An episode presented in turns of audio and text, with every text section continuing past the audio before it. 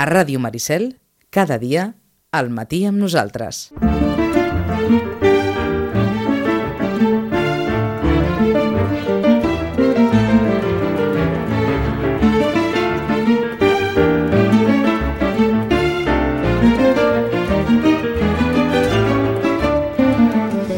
Onze i 19 minuts a l'altre costat del fiu telefònic, una dona que sempre ens ha recomanat Incerta Glòria.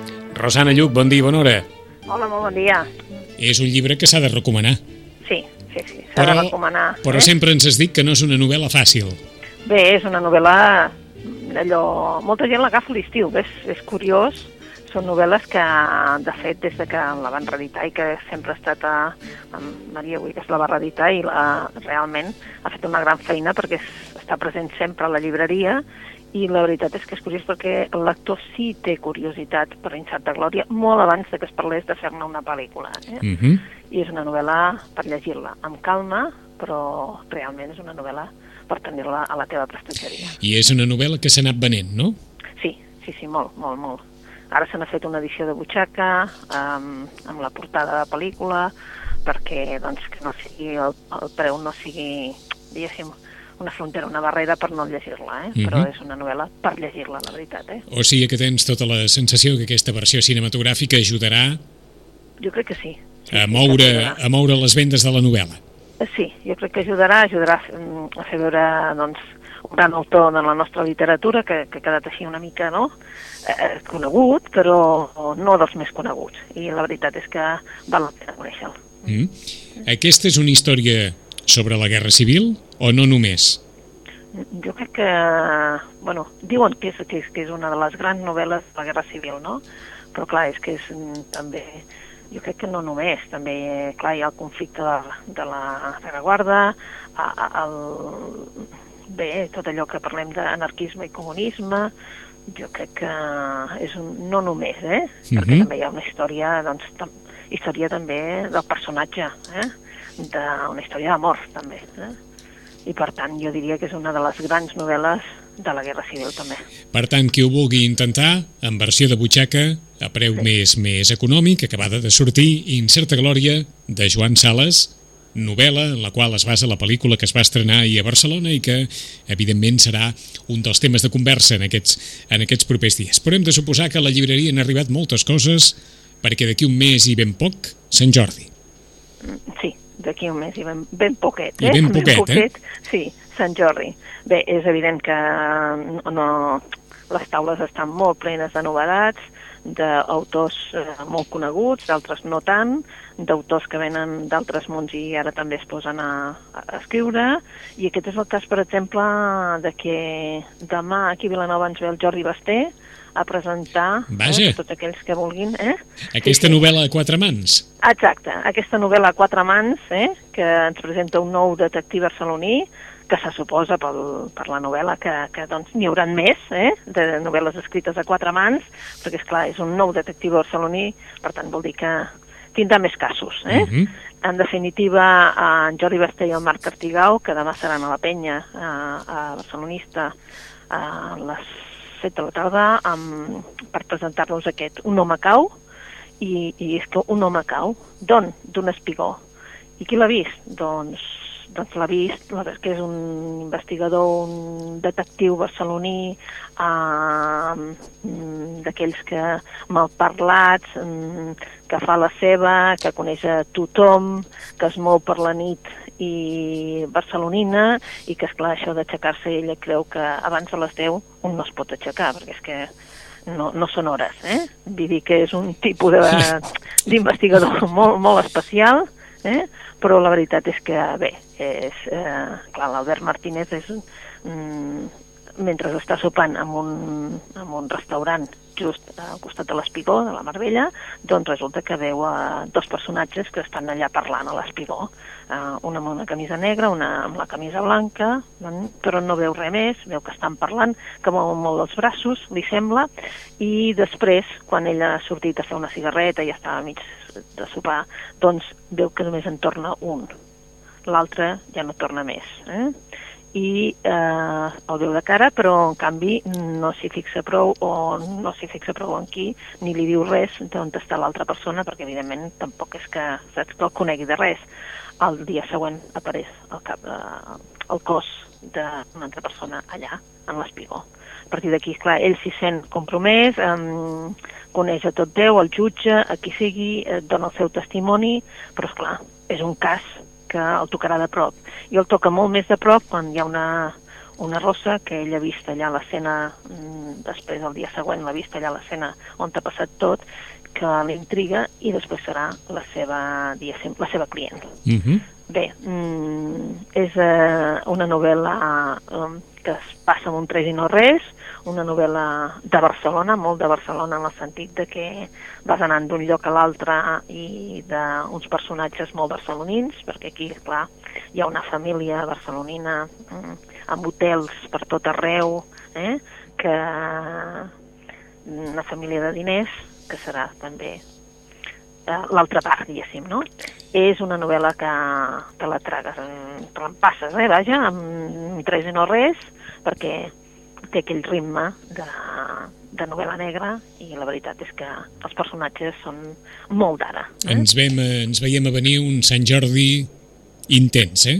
Per sí, Jordi Basté i Marc Artigau, sí. Jo crec que sí, jo crec que sí. Eh, un Jordi Basté és molt conegut, en el món de la ràdio ja ho saps, és molt, molt conegut, eh, i la veritat és que, bé, eh, ell quan comença a parlar doncs ja et convenç de, de, de, del que està dient i per tant jo crec que sí que serà un dels llibres també doncs, eh, que sortiran aquest, eh, aquest eh, Sant Jordi. Doncs eh? en, ens permetem aquella broma irònica sí. d'aquells que diuen però té hores, Jordi Basté, per escriure una novel·la, com aquells que diuen però té hores Pilar Rola per escriure una novel·la que ha guanyat... Ah, exacte. Bueno, qui, qui té hores per escriure, qui té hores, no? Qui té però... hores, si sempre els veiem, no? Exacte. Si els veiem en tants llocs, no?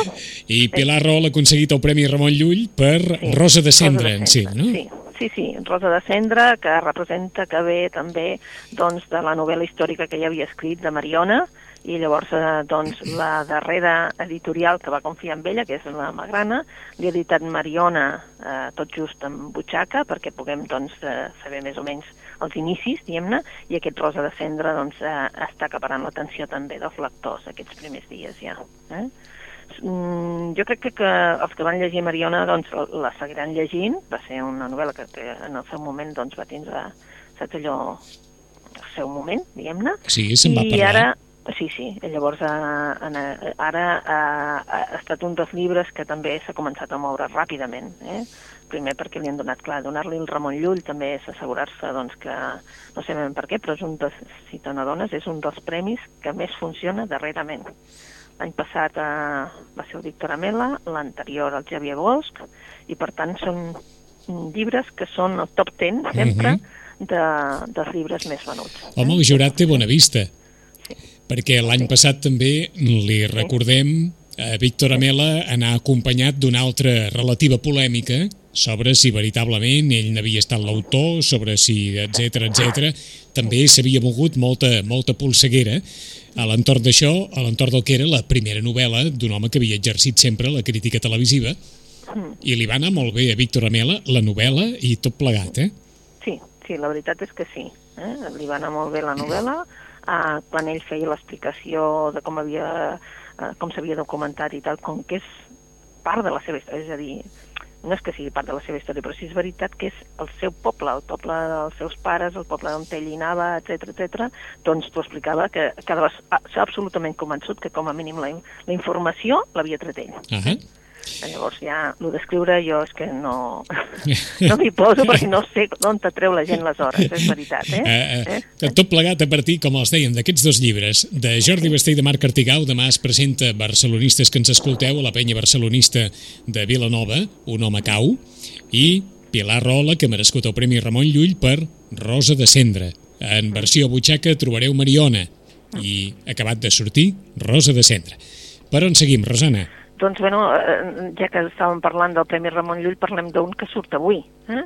Surt avui en català i en castellà. Aquí estem parlant, doncs, un altre que va guanyar el Ramon Llull, el Xavier Bosch. El Xavier Bosch avui ens surt amb una novel·la sobre l'amistat. i la pregunta eterna aquella de si és possible l'amistat entre un home i una dona. És possible mantenir una amistat durant anys i anys i anys sense caure en res més? Uh -huh. un, un home i una dona? I això és el que hi passa al Quim i a la Laura, que es coneixen a la universitat. Doncs, clar, ell, són diferents, venen de mons diferents i, clar, eh, què passa? Que quan es troben, tots dos pues, riuen molt, es diverteixen molt i, bé, van superant cadascú doncs, el que els hi porta la vida, no? Eh, de fet, sempre saben que hi són, és a dir, l'un sap de l'altre que quan el necessitarà hi serà i per molt llum que estigui tant l'un de l'altre, eh? encara que no s'hagin vist en molt de temps. Eh? Són dos amics, eh? dues persones que són amigues a prova de tot.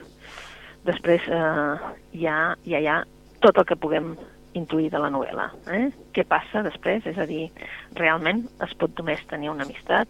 Això és el que parla l'autor amb nosaltres dos. I si només, només té una miqueta de l'èxit que va tenir algú com tu, ja signem tots. Saps? Vull dir, una mica de l'èxit de, de la novel·la, perquè la veritat és que va agradar molt la novel·la d'algú com tu. I ara tothom té aquesta expectativa de veure si aquest nosaltres dos també ens agradarà tant com algú com tu. Per descomptat que el títol és preciós.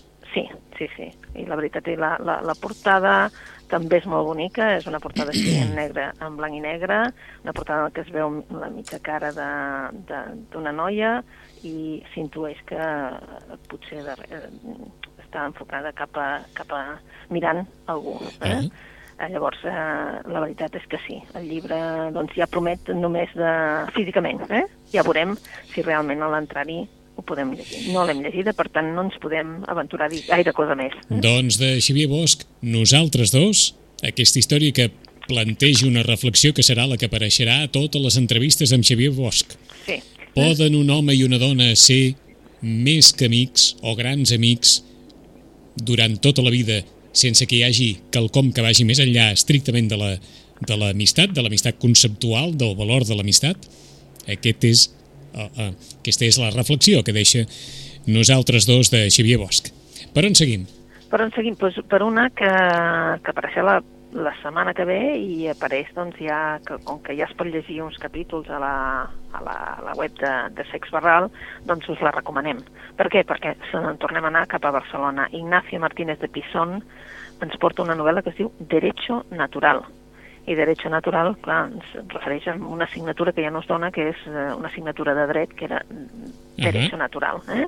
Bé, uh, Ignacio Martínez de Pisón torna a Barcelona, a la Barcelona que en realitat ell encara no va conèixer perquè ell va venir a Barcelona uns anys després.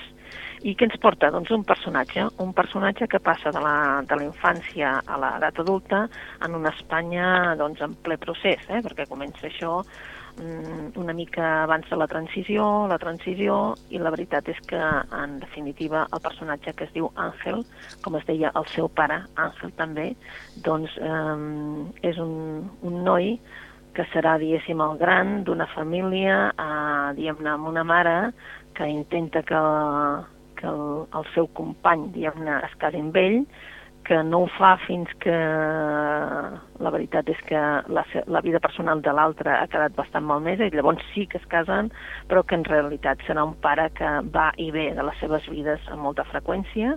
És un home que té una semblança terrible amb el Demis Russos en un moment de la seva vida i quan i decideix fer, perquè és un home que vol fer d'actor, fa eh, pel·lícules d'aquelles de l'època, diguéssim, mm?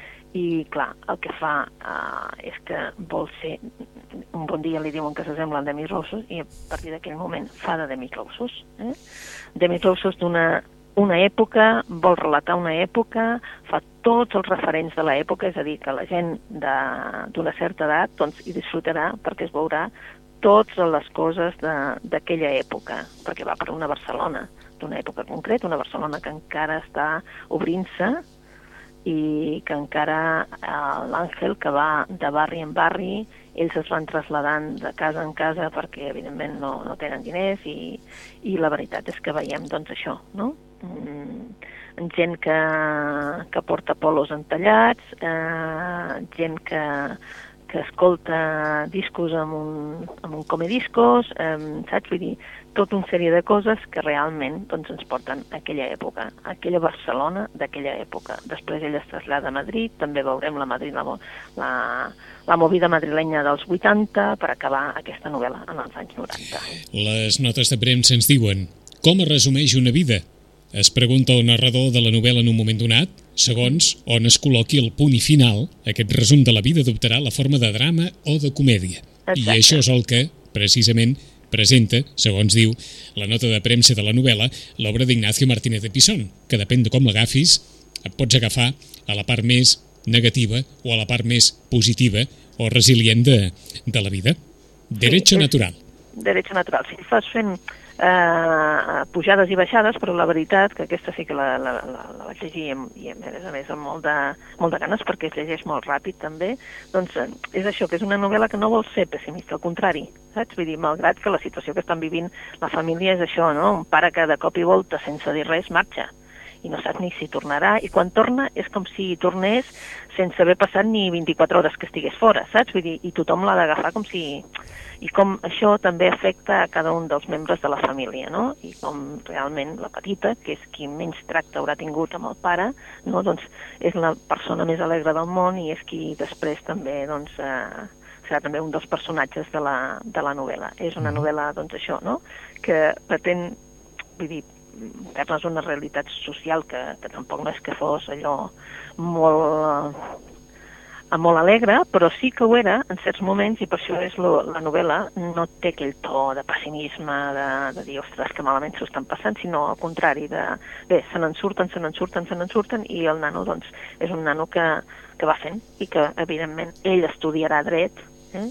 I en realitat el que està és buscant el pare tota eh? aquesta reconciliació amb el pare tota la novel·la. Un escriptor molt prolífic, no? Sí, Sí. Vaja, pel que veiem aquí, María Bonita, El tiempo de las mujeres, El día de mañana, El fin de los buenos tiempos, La buena reputación, Enterrar sí. a los muertos, Dientes de leche, El día de mañana, Aeropuerto de Funchal, en fi, vaja. Va, tenir, va ser un, un, un escriptor que va tenir molta sort, molta sort, des de jove. Era sí. molt jove quan va començar i li van publicar, li va publicar anagrama, i va, ell ho diu, vaig tenir molta sort perquè em van publicar i això va ser que, vull dir que que té allò, aquella tranquil·litat perquè pot dedicar-se a llegir, ell ho diu, a llegir i escriure. I això sí que és tenir molta sort. Tal com estan les coses, per descomptat que sí. tenir molta sort. D'acord, també, també segurament la deu cuidar molt, aquesta sort, eh? Sí, sí, sí. sí. Perquè amb un cop de sort no n'hi ha prou, tampoc. No, no n'hi ha prou, no, no, vull dir, ell s'aplica, escriu, escriu, escriu, vull dir, i, i, i diu, bueno, escriu i també, doncs, eh, eh, conversa molt amb el, bueno, clar, és del cercle de, del Vilamates, de Cerques, de tota una sèrie de, de gent d'aquest moment. Diguem, mm -hmm. eh? Doncs qui vulgui recordar la Barcelona dels 70s i el Madrid dels 80s, escenaris de Derecho Natural d'Ignacio Martínez de Pisón. Més. Més, doncs bé, eh, una pels petitons. Eh? Vinga. Uh, D'aquí poc surt uh, una altra obra de l'Anna Llenes, però en aquest cas ara en aquests moments el que sí ha sortit és un pop-up, és a dir, un llibre d'aquells que surten, les imatges surten així com a, saps, que, sí. estan retallades i et surten, eh? uh, que es diu T'estimo quasi sempre. El llibre, en forma de llibre, ja havia sortit i ara surt en aquesta forma eh? per apropar-nos més. Per què? Perquè des de fa un temps doncs, eh, estem intentant que els nens eh, sàpiguen canalitzar els seus sentiments. I això ho fa l'escola, ho fan les famílies, i bé, aquest mm, t'estimo quasi sempre, eh, de l'Anna Llenes, el que ens vol ella portar és a dir, per què un mateix tret d'una persona de vegades ens agrada i d'altres ens molesta. Eh? Llavors tenim dos personatges, el Vol i la Rita, que són molt diferents, eh? però clar, a vegades acceptar lo diferent de l'altre no, no és fàcil, eh? però qui ha dit que seria fàcil tenir una relació? Eh? I és un, és un conte que convida doncs, això, no? a la reflexió d'aquesta, la comprensió de l'altre, d'allò que ens fa diferent, d'allò que tenim i, i, i que és tan bonic ser per l'oposat, perquè de vegades doncs, veus que tenint una persona tan oposada, al final tens punts de contacte. I aquest t'estimo quasi sempre serà un dels, també dels llibres així que, que es posen ara, a, que ha sortit precisament avui també, que és un llibre que també s'estava esperant perquè és una il·lustradora que ja té tot un recorregut també. A veure si també servirà pels grans. Sí, sí, sí que serveix pels grans. Sí.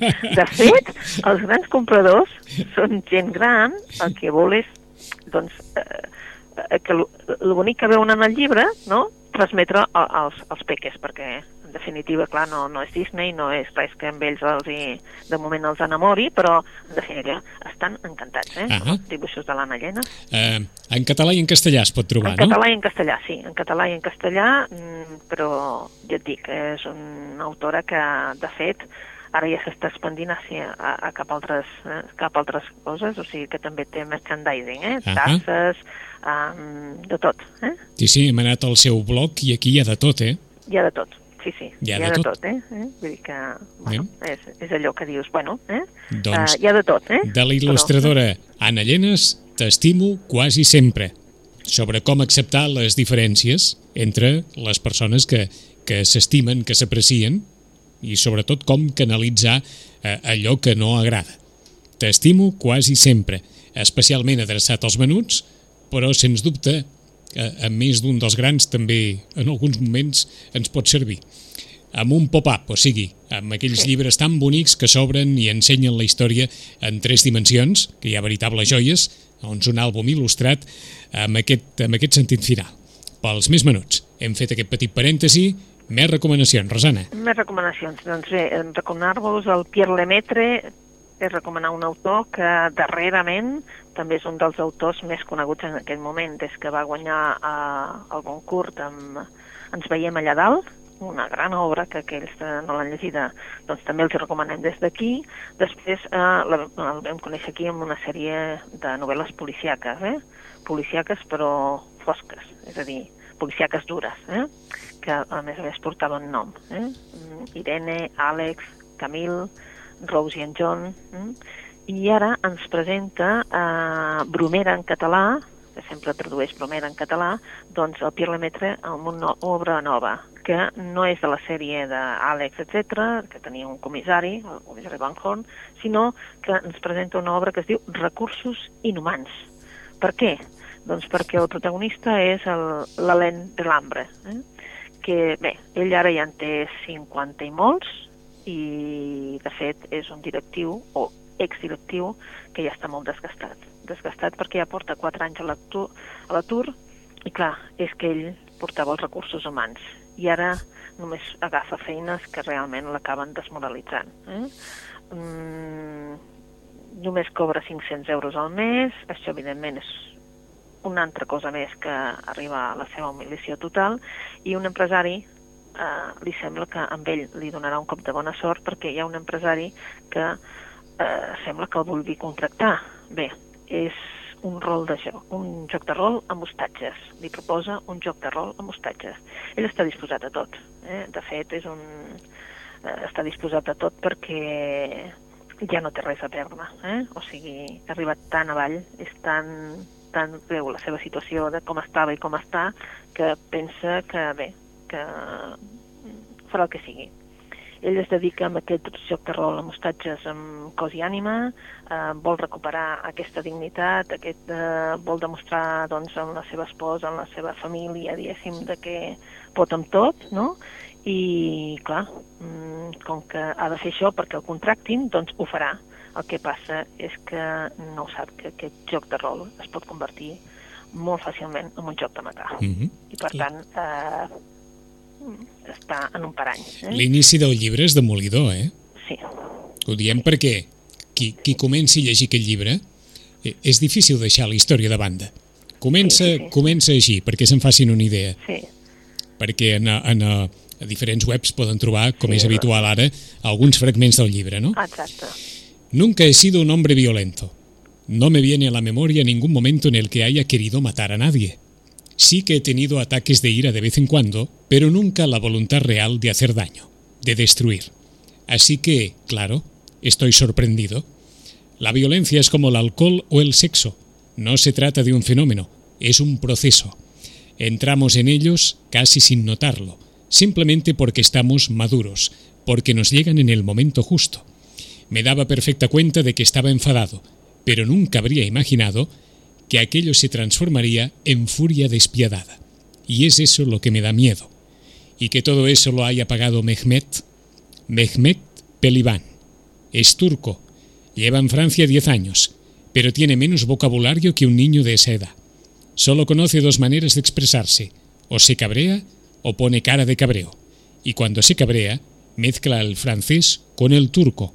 Entonces, nadie la entiende, pero a todo el mundo le queda claro lo que piensa de nosotros. I a partir d'aquí s'enfila una història, perquè Mehmet és supervisor.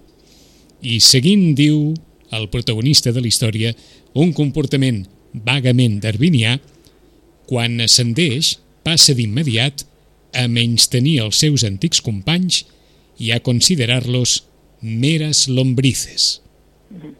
I és això el que defineix una novel·la eh, que té com a, diríem, eh, argument publicitari aquest. Pot l'atur convertir-nos en una bomba de rellotgeria? Pot treure el pitjor de nosaltres, una situació d'atur continuada després d'haver exercit una feina de responsabilitat? Aquest és l'argument d'aquesta novel·la que s'intitula, com deia la Rosana, Recursos inhumanos o recursos inhumans. Exactament, sí. Ja avisem que és un, un autor dur, ja us he dit en les No, no, novel·les... eh, queda- queda ben novel·les clar, eh? negres, És molt, un autor molt dur. Queda ben clar. I, i, I la veritat és que en les altres potser allò que ens veiem allà dalt potser, a veure, la situació també és molt dura, les, la, però és més... Eh, és molt, un humor negre, potser, més allà. Eh? I aquestes eh, eh, és com si cada vegada que ens presentés ens presentés un, una manera més negra de veure la, la Mhm. societat. Eh? A veure, a veure si algú s'hi sentirà reflectit, almenys en aquesta part de la història. Eh? La següent està per veure, però, Sí. però almenys en aquesta part. De Pierre Lemaitre, Premi Goncourt en el seu dia, Recursos inhumans, Recursos inhumanos. I tenim temps per un llibre més, Rosana.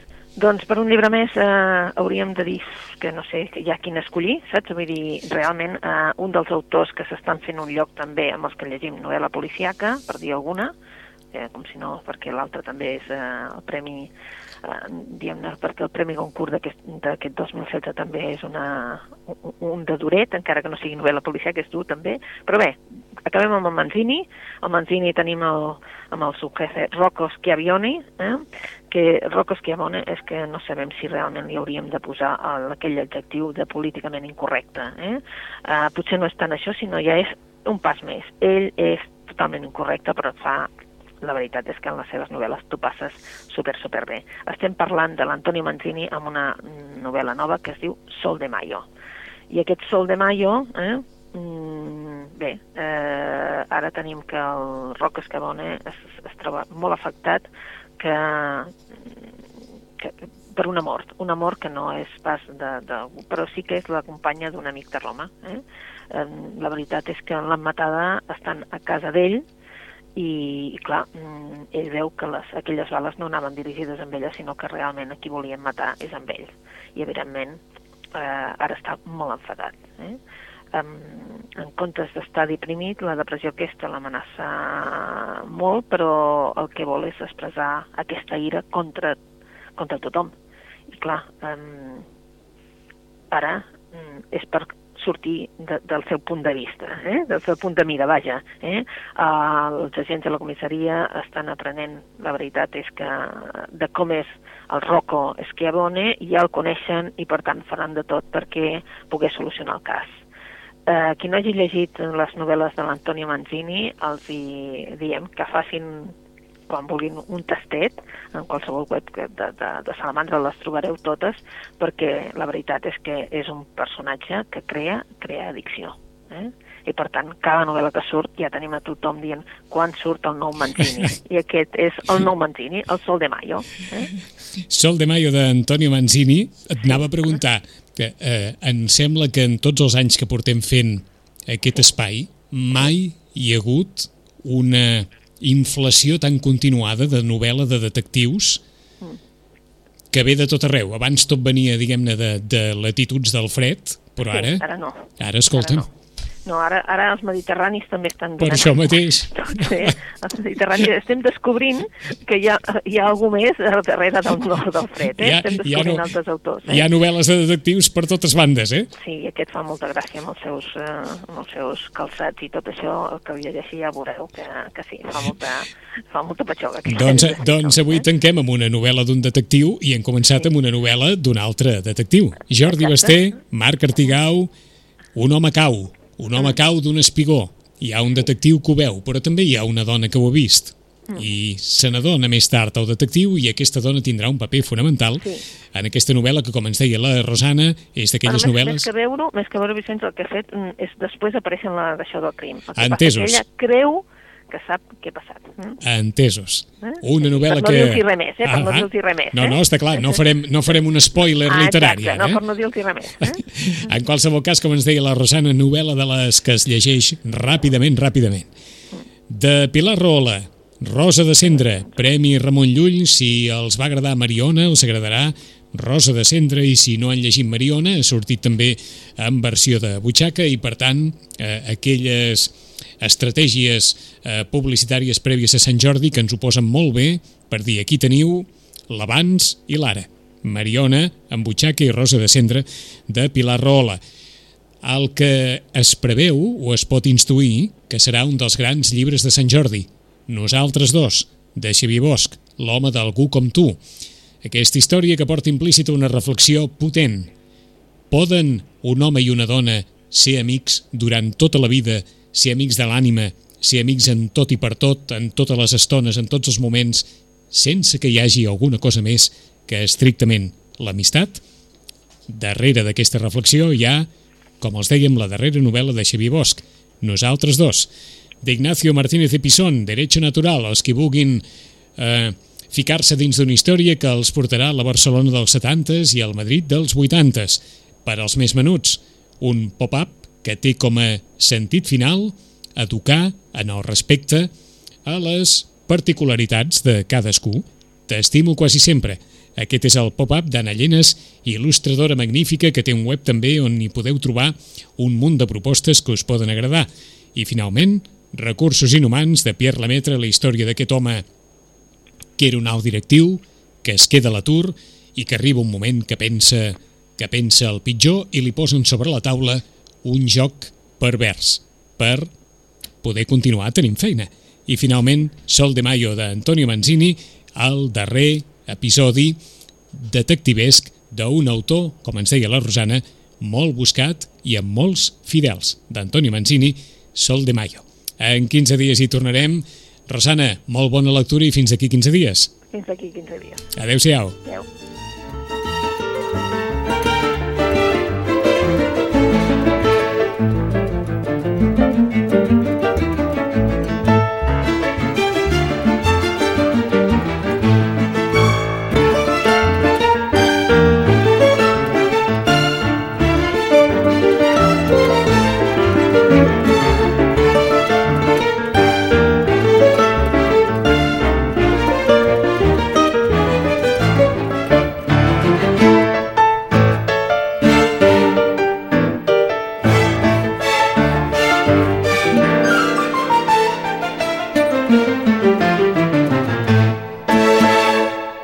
Ràdio Maricel, 107.8 FM.